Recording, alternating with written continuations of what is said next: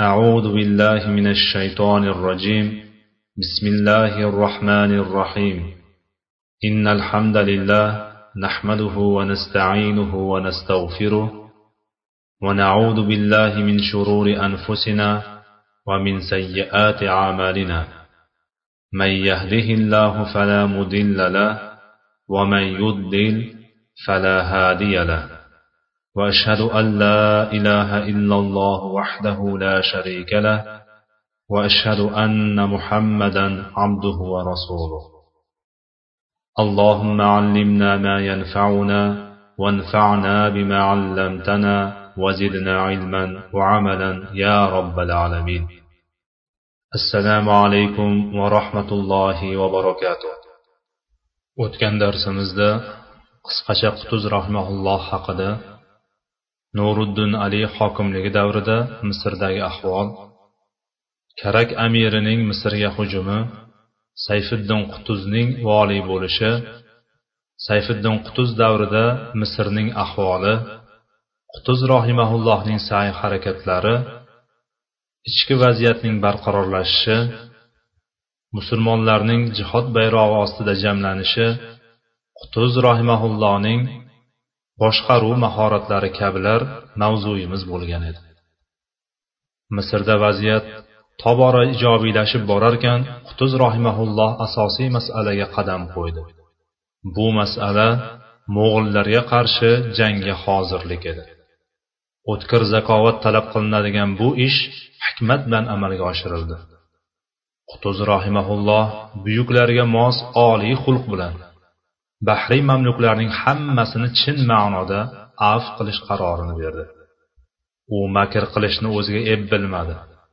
Qutuz rohimaulloh muxlis olloh uchun borlig'ini baxsh etuvchi hamda shart sharoitni aniq hisobini oluvchi kishi edi. Shu yo'l bilan u bahriy mamluklarning quvvatini qo'lga kiritish tadorigini olgan edi. U allohga ixlosi ummat va yurtga bo'lgan muhabbati sabab yurt ravnaqi uchun buyuk quvvatga tayanishni lozim deb bildi. Bu bilan u o'z taxtiga zomin bo'lishi hamda misrda g'alayon qayta qo'zg'alishiga ham sabab bo'lib qolishi mumkin edi.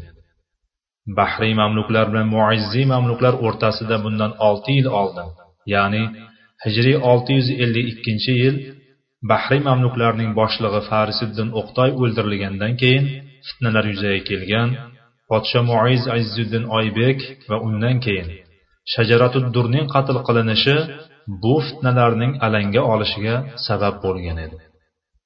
Ish shu darajaga yetganidan rukniddin baybars boshliq ko'pchilik bahriy mamluklar misrdan shomga qochishga majbur bo'lgan edi. Ular orasida shomdagi amirlarni misrga urush ochishga tezlaganlar ham bo'lgan edi. Qutuz rohimaulloh misr taxtiga ko'tarilganda bahriy mamluklarni kechirishi va ularning misrga qaytishlarini e'lon qilishi juda qaltis qaror bo'lsa da ayni vaqtda u hikmat yo'lini tanlashga muvaffaq bo'lgan edi. Bu qaror qutuz rohimaullohning oliy xulq egasi bo'lgani o'ch olishga qudrati bo'la turib o'tmishdagi dushmanlikni unutgani hamda chuqur siyosiy dunyoqarash sohibi ekanligini ko'rsatadi. Misr ayni damdagi harbiy kuchi bilan mo'g'ullar qarshisiga chiqa oladigan holatda emasdi. Bahriy mamluklar katta kuch bo'lib ular juda keng harbiy malaka sohiblari va shu bilan birga ko'p ma'rakalarda tajriba qozongan askarlar edi. Jumladan bundan o'n yil oldin ya'ni hijriy olti yuz qirq sakkizinchi yil salibchilar bilan bo'lgan mashhur janglar mansura va farisqur janglarida ular qo'shinning asosiy qismini tashkil qilgan edi. Bahriy mamluklarning muizziy mamluklar bilan birlashishi mo'g'illarni qarshi olishga quvvati yetadigan islom lashkarini paydo qilar edi. Ma'lumingizki birlashish nusratning eng asosiy eng muhim omil va sababi tarqoqlik esa mag'lubiyat va o'zaro fitnalar omilidir. Qutuz rohimaulloh shomga ketgan bahriy mamluklarning holati beqarorligini yaxshi bilardi. Ular shomga majburlikdan qochib ketgan edi. Ularning mulklari qadr qiymati va e'tibori misrda edi.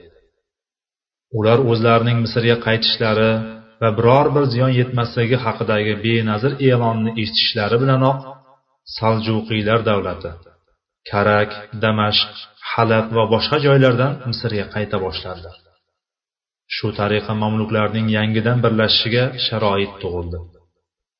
Podshoh qutuz ularni munosib suratda kamtarona kutib oldi. Podshoh o'zining mamluk ekanini unutmagan edi. Qutuz bahriy mamluklar boshlig'i rukniddin baybarsni ham chaqirdi. U bahriy mamluklar ichida qutuz uchun mutlaqo xatarli shaxs hisoblanardi. Agar qutuz makr xiyonat va siyosiy manfaatnigina ko'zlaganida uni hargiz misrga chorlamagan bo'lardi. Rukniddin beybars misrdan qochib damashqqa nosir yusuf ayyubiyning yoniga borgan edi. Nosir yusuf uzoq zamonlar mo'g'ullarga qulluq qilgan so'ngra sharoit o'zgarganda ularga qarshi jang qilishni da'vo qilgan xoin edi. Rukniddin beybars uning safiga qo'shilganida uning mo'g'ullarga qarshi jihod qilishni e'lon qilib uni amalga oshirmasdan yurganini tanqid qildi. Biroq nosir yusuf uning gapiga quloq solmadi. Mo'g'ullar damashq sari otlanganida u armiyasidan janubga qochib qoldi. Alloh yo'lida jihod ruhi bilan tarbiya topgan beybars yolg'izlanib qoldi. So'ngra u ham janubga falastinga qochishga majbur bo'ldi. Mo'g'ullar nosir yusufning izidan falastinga kelganida u armiyasi bilan birga karakka so'ngra sahroga qochdi. Beybars esa g'azo yerlarida yolg'iz qoldi. U har tomondan yakkalanib qolgan edi. Jang qilay desa chorasiz. U g'azoda yolg'iz bahriy mamluklar esa yerning mashriqu mag'ribiga tarqalib ketgan misr muizziy mamluklar qo'lida. O'shanda unga keng yer tor bo'lib juda og'ir vaziyatda qolgandi. Holbuki u bahriy mamluklarning kattasi ya'ni mudofaa vaziri manzilatida edi. Hozirchi? G'azoda yolg'iz. Shimoldan mo'g'ullar bostirib kelyapti. Nosir yusuf sahroga qochib qolgan. Misrdan esa o'zi qochib kelgan. U mana shunday qiyin vaziyatda turganda qutuz rohimaullohning misrga mukarram aziz qaddiroz va o'z mansabiga qaytish taklifini eshitdi. Qutuz e'tiborini tortgan ba'zi nuqtalar u birinchidan rukniddin beybarsdagi yuksak askariy qobiliyat va yuqori darajadagi yetakchilik mahoratini hamda bu sarkardadagi oliy islomiy hamiyatni ko'ra oldi. Ikkinchi boshqalardan ajralib turuvchi zakovatli beybarsdan mo'g'ullarga qarshi jangda foydalandi. Yo'qsa bu zakovat muizziy mamluklarga qarshi xizmat qilishi mumkin edi. Uchinchi yana qutuz bahriy mamluklarning rukniddin beybarsga sodiqligini yaxshi bilardi. Beybars kabi inson qochoq bo'lsa bahriy mamluklar bir kunmas bir kun uning atrofiga yig'ilmasligiga hech kim kafolat berolmasdi uning beybarsni o'z safiga qo'shilishiga targ'ib qilib qadrlashi uning qudrati va imkoniyatlaridan foydalanishi yuksak siyosiy hikmat jumlasidan edi. Bu bilan u vaziyatning barqarorligini kafolatladi va mo'g'illarga qarshi bor kuchni jamlash muqobilida ichki nizolarga chek qo'ydi. Qutuz rohimaulloh rukniddin beybarsni chaqirgandan keyin u misrga keldi. Qutuz uni yaxshi kutib oldi va vazirlar qasriga boshlab kelib unga amirlardek muomala qildi. Unga qalyub shahri va uning atrofidagi yerlarni taqdim qildi. Ha qutuz o'ch olishga qodir bo'lsa da afni tanladi. Insonlarni o'z maqomiga qo'yib siyosiy teranlik va birdamlikda namuna bo'ldi. Mohir siyosatchi bo'lish uchun faqat ko'zbo'yamachilik insonlarga yo'qni bor jinoyatni san'at to'g'rini egri va siyosiy manfaatga erishish yo'lida barcha chirkin qabohatlarni siyosat deb atash shart emas. Siyosat insonlar manfaatini ko'rib uni o'z manfaatidan ustun qilib ularni dunyo va oxirat saodatiga ulashtirishga urinish demakdir. Yana qutuz o'ziga ishongan boshliq atrofidagi kuchli shaxslarni yo'qotish emas ularni qozonish muhimligini o'rgatdi. Bu bilan u xalqning ishonchini va muhabbatini qozondi. Albatta hozirgi kunimizda afsonaga aylangan aslida islom tarixi shodasida marjon marjon terilgan muxlis yurtboshilar xalq roziligi va ularning muhabbatiyu hurmat e'tiborini qozonishnigina o'ziga maqsad qilib qo'ymadi. Haqiqiy yurtboshi olloh bilan o'z orasini tuzatishga urinadi. Shunda alloh taolo u bilan xalqi orasini tuzatib qo'yadi.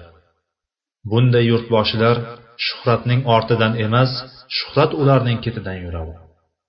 Ha qutuz bu qarorlarni xalq muhabbatini qozonish uchun emas avvalambor alloh taoloning oldidagi o'z burchini o'tash so'ngra xalqini mo'g'ullarning qora hujumlaridan qutqarish va ularning boshqa manfaatlarini ko'rish maqsadida bergan edi. Alloh taolo qutuz rahmatullohi alayhiga o'z rahmatini yog'dirsin. Millatini halokatdan qo'rigan boshqa boshliqlarni ham alloh jahannam falokatidan qo'risin shunday qilib mohir sarkarda rukniddin beybars boshliq bahriy mamluklar misr armiyasiga birlashdi. Bu ish misr xalqining ma'naviyati va ruhiyatini juda ko'tardi. Bahriy mamluklarni kechirish qarori qutuz rohimaulloh hayotida bosgan eng muborak qadamlaridan biri edi. Biz shu bosilgan qadam muqobilda u kishining har bir bosgan qadami evaziga alloh taolo ajr yozishini so'rab qolamiz. Xullas qutuz rohimaullohning birinchi qadami mamlakatning ichki vaziyatini barqarorlashtirish bo'lsa ikkinchi qadami bahriy mamluklarni kechirib ularning kuch va imkoniyatlaridan foydalanish bo'ldi. Qutuz rohimaulloh amalga oshirishga kirishgan uchinchi masala qo'shni davlatlar bilan diplomatik aloqalarni yaxshilash ya'ni tashqi siyosatni tiklash amaliyoti bo'ldi. Misr bilan shom amirliklari orasidagi aloqalar borasida bundan oldin batafsil aytib o'tdik. Shom amirliklari bir necha bor misrga hujum uyushtirishga podsho solih najmiddin ayyub rahimaulloh davrida o'rnatilgan kelishuvni buzishga harakat qildi. Ma'lumingizki damashq va halabning amiri nosir yusuf bog'dod mahv etilgandan so'ng misrga urush ochishga yordam berish uchun xulagudan yordam so'ragan edi. Mana shularga qaramay qutuz rahimaulloh o'tgan ishga salovat qabilida ish tutib bo'lib o'tgan kelishmovchiliklarni unutishga va misr bilan shom o'rtasida haqiqiy birdamlikni hosil qilishga harakat qildi. Eng kamida shom amirliklarining betaraf bo'lishiga ya'ni mo'g'ullar bilan urushayotgan paytda fursatdan foydalanib hujum qilib qolmasliklari yoki mo'g'ullar safiga qo'shilmasliklari uchun harakat qildi. Qutuz rohimaulloh misr va shomning o'rtasini birlashtirishga qaror qildi. U shomning kattasi ikki asosiy shahar damashq va halabning amiri nosir yusuf bilan aloqa o'rnatishga kirishdi. U shomning boshlig'i manzilatida edi. Qutuz rohimaulloh nosir yusufning kimligini va o'zini yoqtirmasligini juda yaxshi bilardi. Shunday bo'lsa ham qutuz rohimaulloh unga ajoyib maktub yo'lladi. U maktubda go'yo eng yaqin kishisiga xitob qilayotganday edi.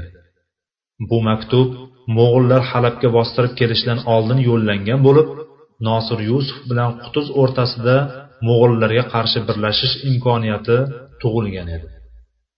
O'sha vaqtlar nosir yusuf mo'g'ullarga jang e'lon qilgan va damashqda harbiy lager o'rnatgan edi. Qutuz rohimaulloh undagi xato va kamchiliklardan ko'z yumib saflarini birlashtirishni xohladi. Qutuz rohimaulloh nosir yusufning asosiy maqsadi boshqaruv kursisida qolish ekanini uni bundan boshqa narsa qiziqtirmasligini yaxshi bilgani holda munosib maktub bitdi va unga jo'natdi. Maktubda misr va shomni birlashtirish hamda bunda nosir yusufning podshoh bo'lishi qutuz esa unga tobe bo'lishi bayon qilingan edi. Vaholanki qutuz rohimaulloh unga qaraganda anchagina yaxshi sarkarda va siyosatchi bo'lishi barobarida misr ham damashq va halabdan mavqei baland edi. U maktubda podsho nosir bilan saltanat talashmasligi va unga qarshilik qilmasligi hamda o'zining misr diyoridagi uning noibi bo'lishini bayon qildi. Nosir qachon misrga kelsa misr va shomni birlashishi uchun darhol uni taxtga o'tirg'izishini aytdi.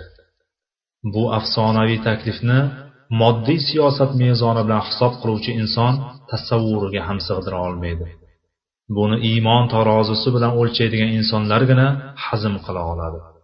Qutuz rohimaulloh nosir yusufning ikki davlatni birlashtirishda ikkilanish yoki uni mutlaqo misrga kelishdan qo'rqishini biliboq mo'g'ullarga qarshi urushda unga madad berishini o'rtaga tashladi. U nosir yusufga bunday deb murojaat qildi. Birlashishni istasang birlashamiz. Birlashmasdan mo'g'ullarga qarshi kurashda yordam berishimni xohlasang yordam beraman. Maqsadimiz bir u ham bo'lsa mo'g'ullarni tormor qilish. Agar yordamimni ixtiyor qilsang xizmatingdaman istasang o'zim va askarlarim bilan kelajak jangda ya'ni mo'g'ullarga qarshi jangda ko'makka boraman. Agar borishimdan xavotiring bo'lsa o'zing ixtiyor qilgan askarlarimni huzuringga yo'llayman dedi. Biroq nosir yusuf qutuz rohimaulloh tomonidan bo'lgan oliyjanob nidolariga ijobat qilmadi va birlashishdan bosh tortdi. Chunki u aslida mo'g'illarga qarshi kurashishni niyat qilmagan edi. Shu sababli qo'shimcha madadga ham ehtiyoji yo'q edi. Mo'g'ullar yetib kelgudek bo'lsa qochib qolishni fikr qilgan. Millatini himoya qilish uning xayol ko'chasidan o'tmaganda desak yanglish bo'lmas. Kunlar o'tdi. Halab ishg'ol qilindi va damashq tahdid ostida qoldi. Nosir rejasiga ko'ra falastinga qochib qoldi. U armiyasi bilan falastinga yetganida taqdirda yozilib o'z vaqtini kutayotgan ish sodir bo'ldi. Nosir yusuf armiyasi undan ajralib muxlis mohir sardor qutuz rohimaulloh safiga qo'shildi.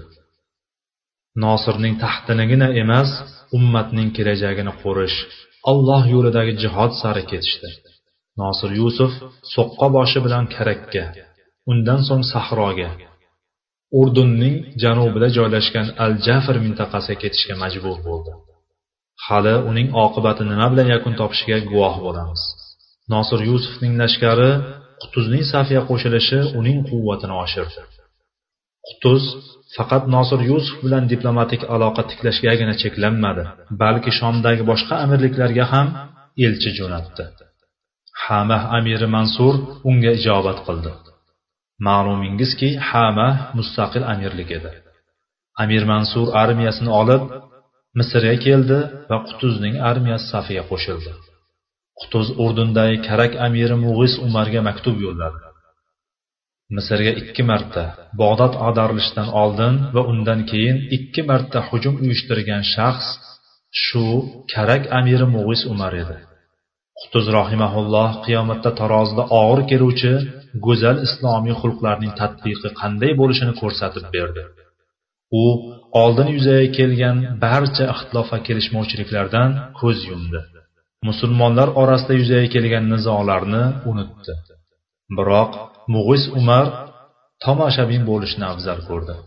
U nosir yusuf tarafdorlaridan bo'lib u urush e'lon qilganda unga ijobat qilgan u sahroga qochib qolgandan keyin karaq qo'rg'oniga kirib olgan edi.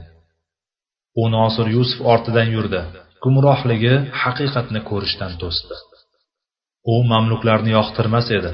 Shuning uchun qutuzga qo'shilmasdan hodisalarni tashqarida turib kuzatish yo'lini tanladi. G'olib kim bo'lsa o'shanga qo'l berishim lozim deb bildi. Himsning amiri ashrof ayyubiy qutuzga qo'shilishdan keskin bosh tortdi va mo'g'illar bilan hamkorlikni afzal deb bildi. Qulagu unga shom amirliklarining hammasini mo'g'illar tomonidan boshqaruv mansabini taqdim qildi.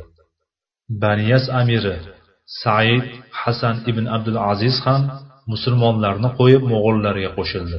Vala havla vala quvvata illa billah. Qutuz rohimaulloh bilan birga tarix sahifalarini varaqlab turgan nuqtamizni bir aniqlab olsak. Birinchi misrda ichki vaziyat barqaror yangi hukumat qutuz rohimaullohga sodiq edi. Ikkinchi o'sha damlarda davlatning birinchi va asosiy vazifasi ochiq oydin ravshan edi. U mo'g'ullarga qarshi jangga hozirlik ko'rish qo'shin hozirlash edi. Uchinchi bahriy mamluklarni avf qilish. Va ularni misrga omonlik bilan kelishlariga da'vat.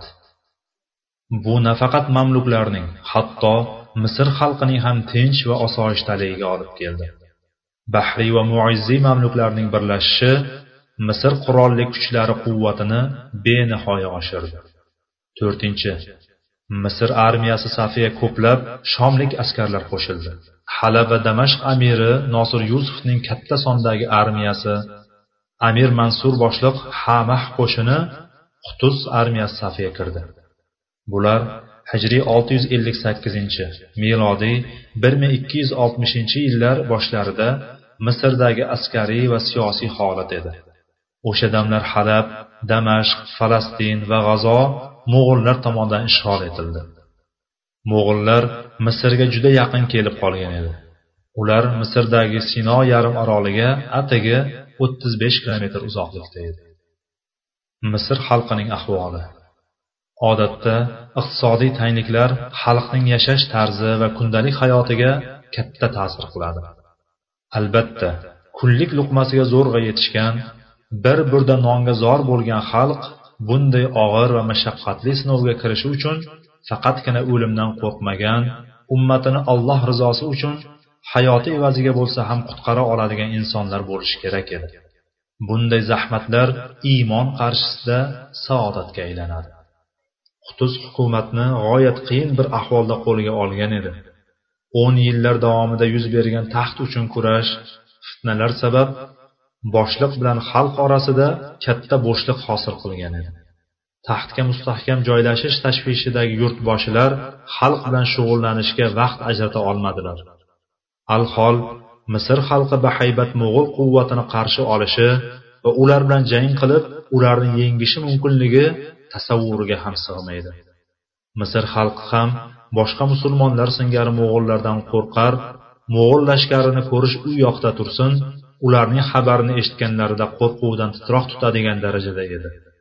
Mo'g'ullar misrga yaqinlashgan sari ularning qo'rquvlari va xavotirlari ortib borardi. Bu holatda xalqning ma'naviyati va ruhiyatini ko'taradigan ularning o'y fikrlarini o'zgartiradigan dini vatani ummatini himoya qilish uchun g'ururini uyg'otadigan turtki dalda lozim bu ish qutuz rohimaulloh vazifalari orasida eng qiyinlaridan biri edi. Zero xalq bilan quvvatlanmagan qo'shin hargiz kuchli bo'la olmaydi. Boshliq ham armiya ham xalqqa suyanishi shart. Yo'qsa nusratga erishish amri maholdir. Jang haqiqiy suratdagi jang bo'lishi uchun erkaku ayol yoshu qari bir tan bir jon bo'lib bir yoqadan bosh chiqarib oyoqqa turmog'i lozim. Buning uchun xalq komil tayyorgarlik ko'rishi darkor edi. Qutuz rohimaullohning oldida o'ta muhim vazifa.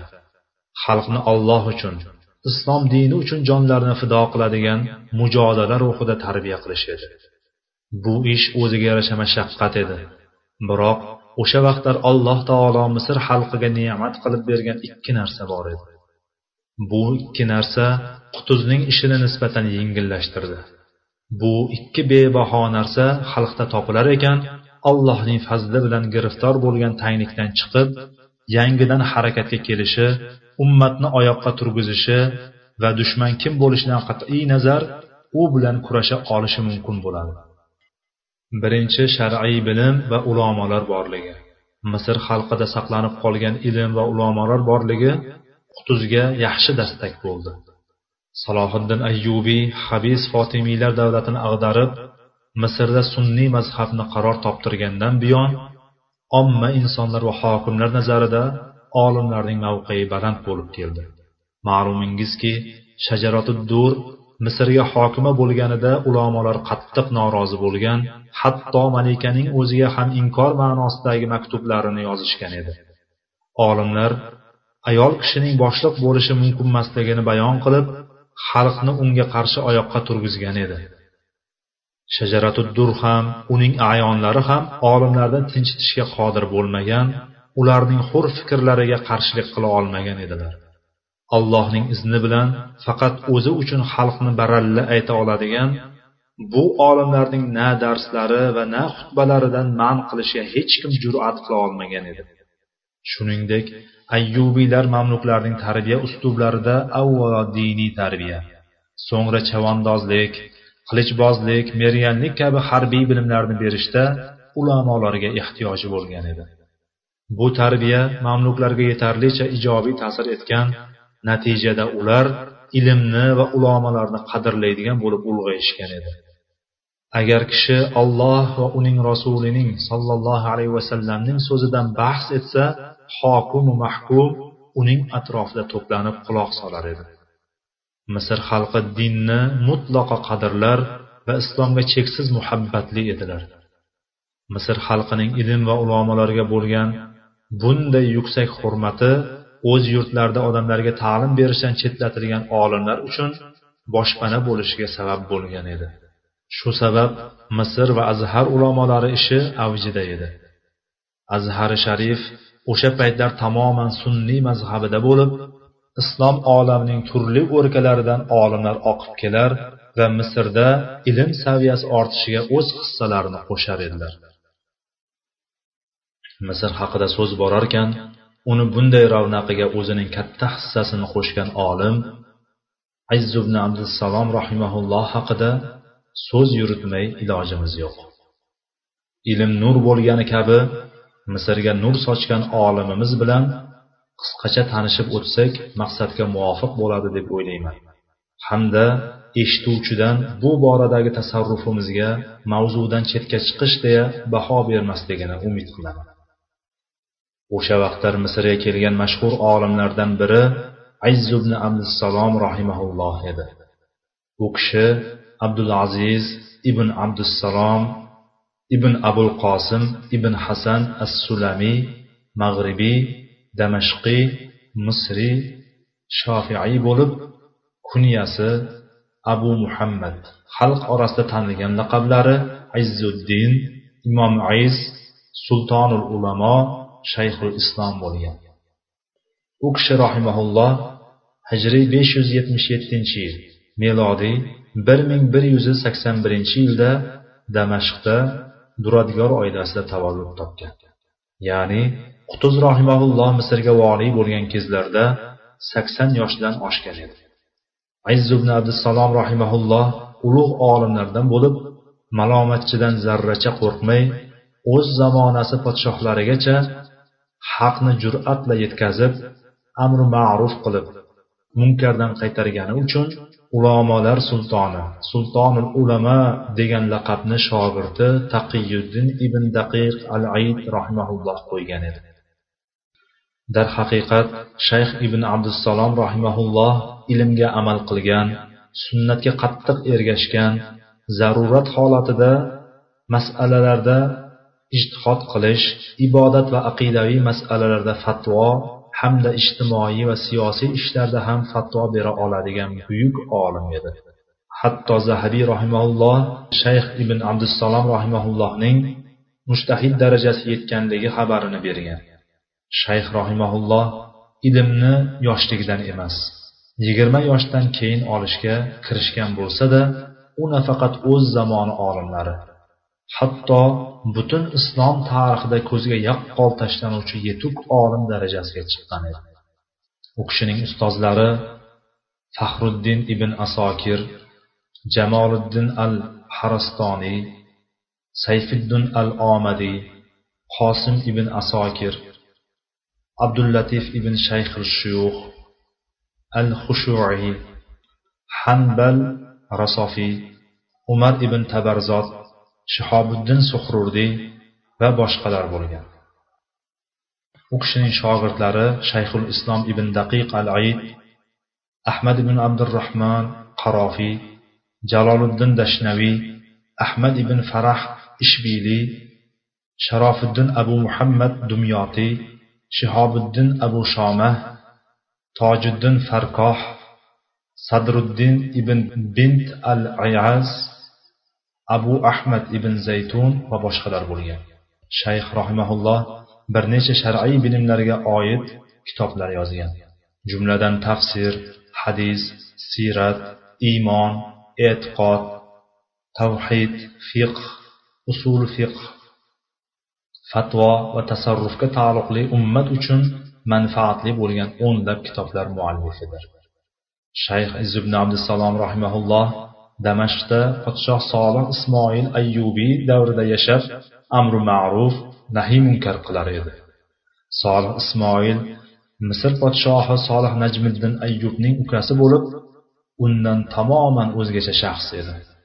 U salibchilar bilan hamkorlik qilib yurtiga xoinlik qildi.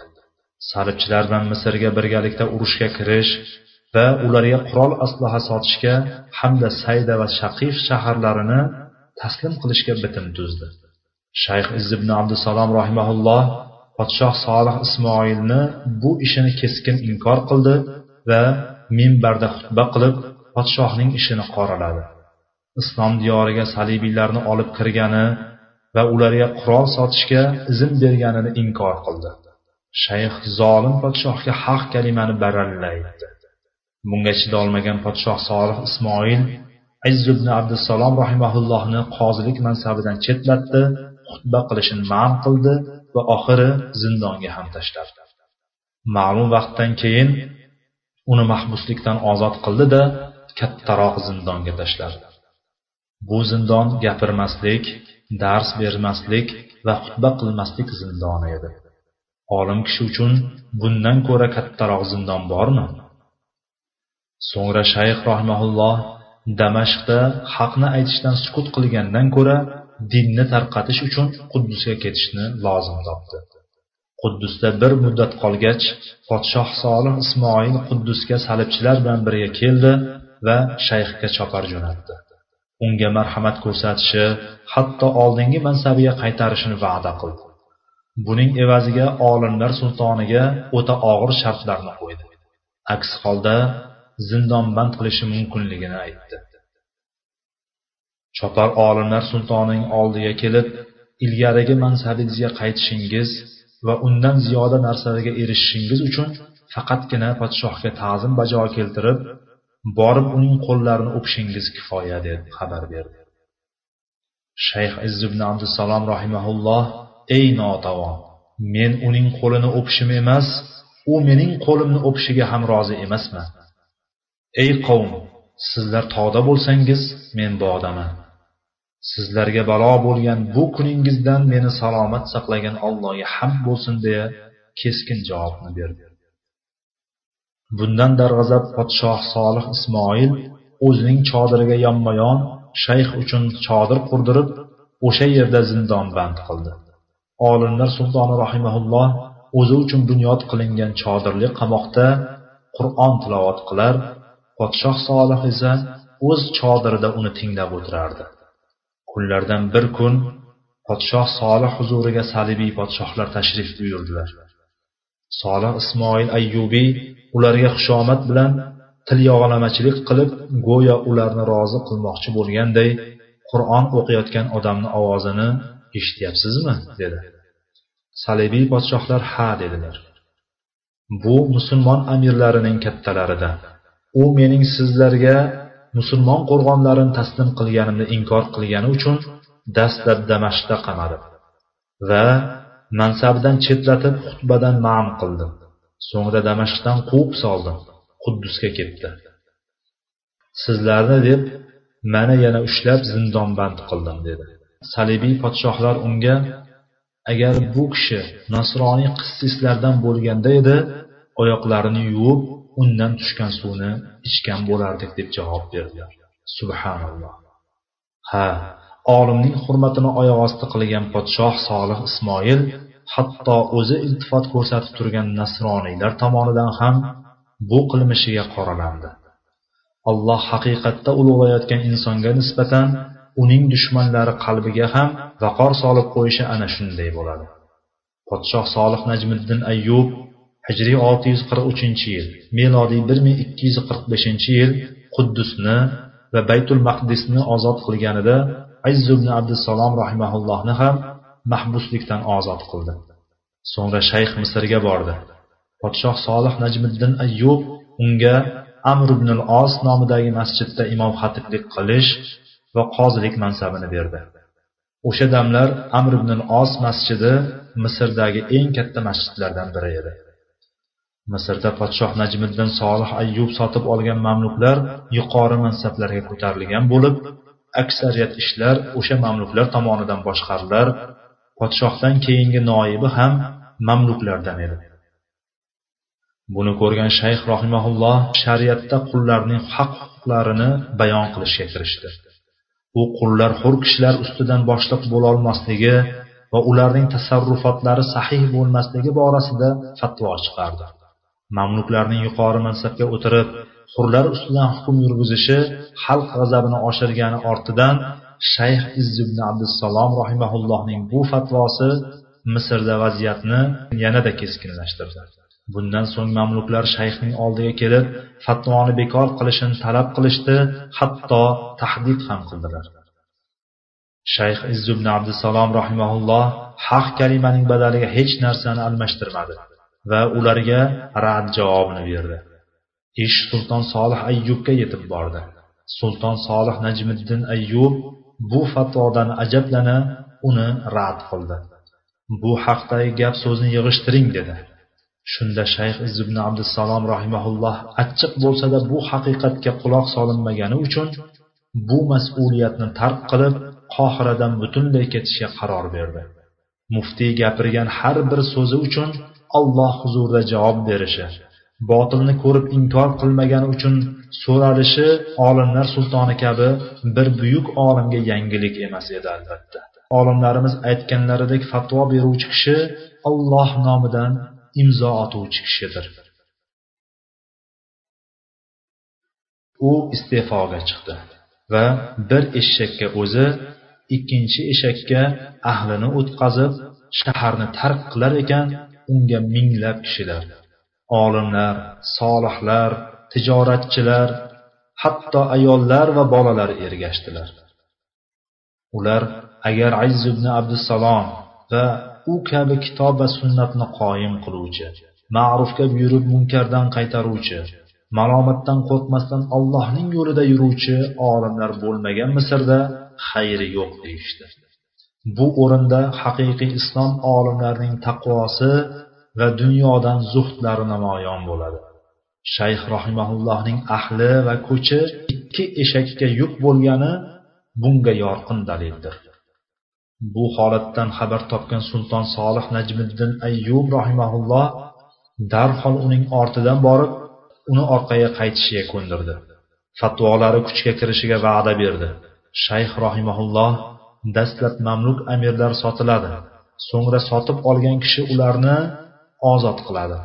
Agar ilgari bu amirlar baytul moldan sotib olingan bo'lsa pullari baytul molga qaytariladi dedi.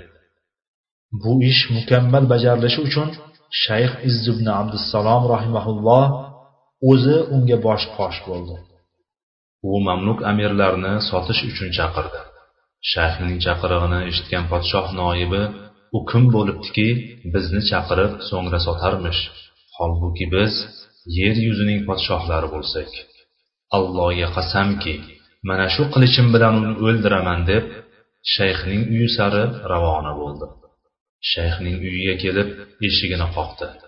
Shayxning o'g'li chiqib hayajon bilan otasining huzuriga kirdi va podshohning noibi qora niyatda qilichini yalang'ochlab turgani xabarini berdi. Shunda ibn abdusalom rahimaulloh ey bolam otang allohning yo'lida o'ldirilishga arzimasa kerak deya podshoh noibini qarshi olishga chiqdi. Podshoh noibi uni ko'rgani on uning haybatidan hayajonga tushib qo'l titrab qilichi yerga tushib ketdi va o'zi ham otdan tushib yig'laganicha ey sayyidim yaxshi yaxshi siz aytganingiz bo'ladi. Nima qilaylik dedi. Shayx sizlarni chaqiryapman kelinglar. So'ngra sizlarni sotib pulini musulmonlar manfaatiga sarf qilaman dedi. Amirlar birin ketin kelishdi. Shayx rohimaulloh ularga narx tayin qila boshladi. Biridan ikkinchisi ikkinchisidan uchinchisini narxini balandroq qilib qo'ydi. Bu hodisaga guvoh bo'lib turgan xalq ham amirlarga narx qo'yishda o'z hissalarini qo'shdilar. Amirlarning narxi anchagina qimmatlab ketdi. So'ngra podshoh najmiddin ayyub rahimaulloh ularni sotib oldi va ozod qildi. Ularning pullari baytulmolga qaytarildi. Shu tariqa mamluklardan bo'lgan amirlar sotib olindi so'ngra ozod qilindi va o'z mansablarida qoldirildi. Shu sabab shayx izzubn abdussalom rahimaullohga baiul umaro baiul muluk ya'ni amirlar sotuvchisi podsholar sotuvchisi degan laqab nisbati berildi. Misrda qabih bir jaholat holati bor edi. Misr podshohi hayit namozidan keyin misr qal'asiga kelib taxtiga o'tirar. Misrdagi butun amirlar askarboshilar va askarlar jamlanib g'alati bir urf odat amalga oshirilar edi. Ya'ni bu rasm rusumga ko'ra hamma misr podshosining oldiga kelib yiqilib yerni o'pib o'tardi. Boshqacha qilib aytganda sajda qilib o'tardi. Buni o'z ko'zlari bilan ko'rish uchun shayx izzibn abdusalom rahimaulloh hayit tongida misr qal'asiga keldi. Ne ko'z bilan ko'rsinki amirlar askarboshilar va askarlar podshoh qarshisida yerni o'pib o'tmoqda. Shunda shayx rohimaulloh butun amirlar askarboshilar va askarlari oldida bor ovozi bilan qichqirib ey ayyub alloh taolo seni misrga voliy qilgandim. Sen unda aroqlarni sotilishini muboh qildingmi? deb so'rasa uning huzurida hujjat topib bera olasanmi dedi. Sulton ayyub o'zini bilmaslikka oldi. E shundaymikan? dedi. Shayx rohimaulloh yanada ovozini balandlatib ha falon falon joyda xamir sotiladi. Hamda boshqa munkar ishlar ham sodir bo'ladi. Sen esa mamlakatingda ne'matlarga burkanib yuribsan dedi. Ey sayyidim ularni nima qilishga hayronman chunki ular otamning davridan buyon bor dedi sulton. Shunda shayx rohimaulloh sen albatta bizlar ota bobolarimizni bir millat din ustida topganmiz va albatta bizlar ularning izlaridan borib hidoyat topguvchimiz deguvchilardansan dedi. Shu damda podshohning qalbiga qo'rquv tushdi va aroq sotiladigan barlarni yoqtirib tashlashga buyruq berdi. Shayx ibn abdussalom rahimaulloh podshoh uning vazirlari qo'rboshlari va barcha askarlari huzurida qo'rqmay jur'atla xitob qilgani va podshohni shayxning haybati bosib uning talabini ijobat qilgani sababi so'ralganda shayx rohimaulloh podshohni katta dabdabada ko'rdim va o'ziga ortiqcha bino qo'yib kibrlanmasin deya uni pastga tushirib qo'yish kerak deb bildim dedi. Undan qo'rqmadingizmi deyildi. Shayx rohimaulloh allohning haybatini yodimga oldim. Shunda podshoh qarshimda e'tiborsiz bo'lib qoldi dedi. Shayx izzibn abdusalom rahimaulloh jur'at shijoat amri ma'ruf nahiy munkar maydonida ummat tarixida zarbul masal bo'lgan namoyonda olim edi. U kishi rohimaulloh hijriy olti yuz qirq uchinchi yil melodiy bir ming ikki yuz qirq beshinchi yildan hozirgacha ya'ni hijriy olti yuz ellik sakkizinchi yil melodiy bir ming ikki yuz oltmishinchi yilgacha o'n besh yil davomida misrda istiqomat qilib keldi. Va misrda o'z faoliyatini ya'ni damashqda man qilingan da'vatlarini davom ettirdi. Shayx izzibn abdusalom rahimaullohning qissasidan ma'lum bo'ladiki o'sha paytlar misrda ilm va olimlarning qadri juda baland bo'lgan. Misr xalqi kuchli bo'lishining asosiy sirri ilm va olimlarning qadrlanishida edi. Zero alloh yo'lida qurbon bo'lishni orzu qilish kabi ma'naviyatni xalqqa har doim ulamolar ulashib kelgandir. Bu da'vatni xalq ongiga yetib borishi uchun ulamolarning bo'lishi shart. Agar ilm olimlar va dinning qiymati bo'lmasa ummat uchun nusrat umidi uzoqdir. Misr xalqida topilgan ikkinchi narsa olloh yo'lidagi mujodala. Alloh yo'lidagi mujodala ruhi misr xalqining ikkinchi kuchi edi. O'sha damlar misrliklar haqiqiy ma'noda yashash uchun alloh yo'lida kurashish lozimligiga iymonlari komil edi. Taxt uchun kurash fitnalar avj olgan iqtisodiy tanglik hukm surgan paytlarda ham xalq nazarida jihodning qiymati kamaymagan edi. Misr va shomga uyushtirilgan muntazam salib yurishlari jihod ruhini misrlik musulmonlar ongiga muhrlanib qolishiga sabab bo'lgan edi. Misrliklar doimiy tinchlik bo'lishini aqllariga sig'dira olmasdilar. Zero haq ahli bilan botil ahlining o'rtasidagi kurash to qiyomat davom etajagi alloh taoloning yer yuzida joriy bo'luvchi qonunlaridandir. Haq bilan botil bor ekan ular o'rtasida kurash hech qachon to'xtamaydi. Alloh taolo haqni zohir qilgunga qadar to'xtamaydi ham. Misrdagi musulmonlar alloh yo'lidagi jihod kalimasini juda ulug'lar va har doim alloh taologa bog'liq edilar. Salib yurishlarida salibchilar doimo musulmonlardan ko'p bo'lgan. Shu sabab musulmonlar jangda allohga ko'proq va qattiqroq bog'lanib unga munojat qilardilar. Bu esa o'z navbatida olloh yo'lidagi jangning qiymatini ancha baland bo'lishiga olib kelgan edi.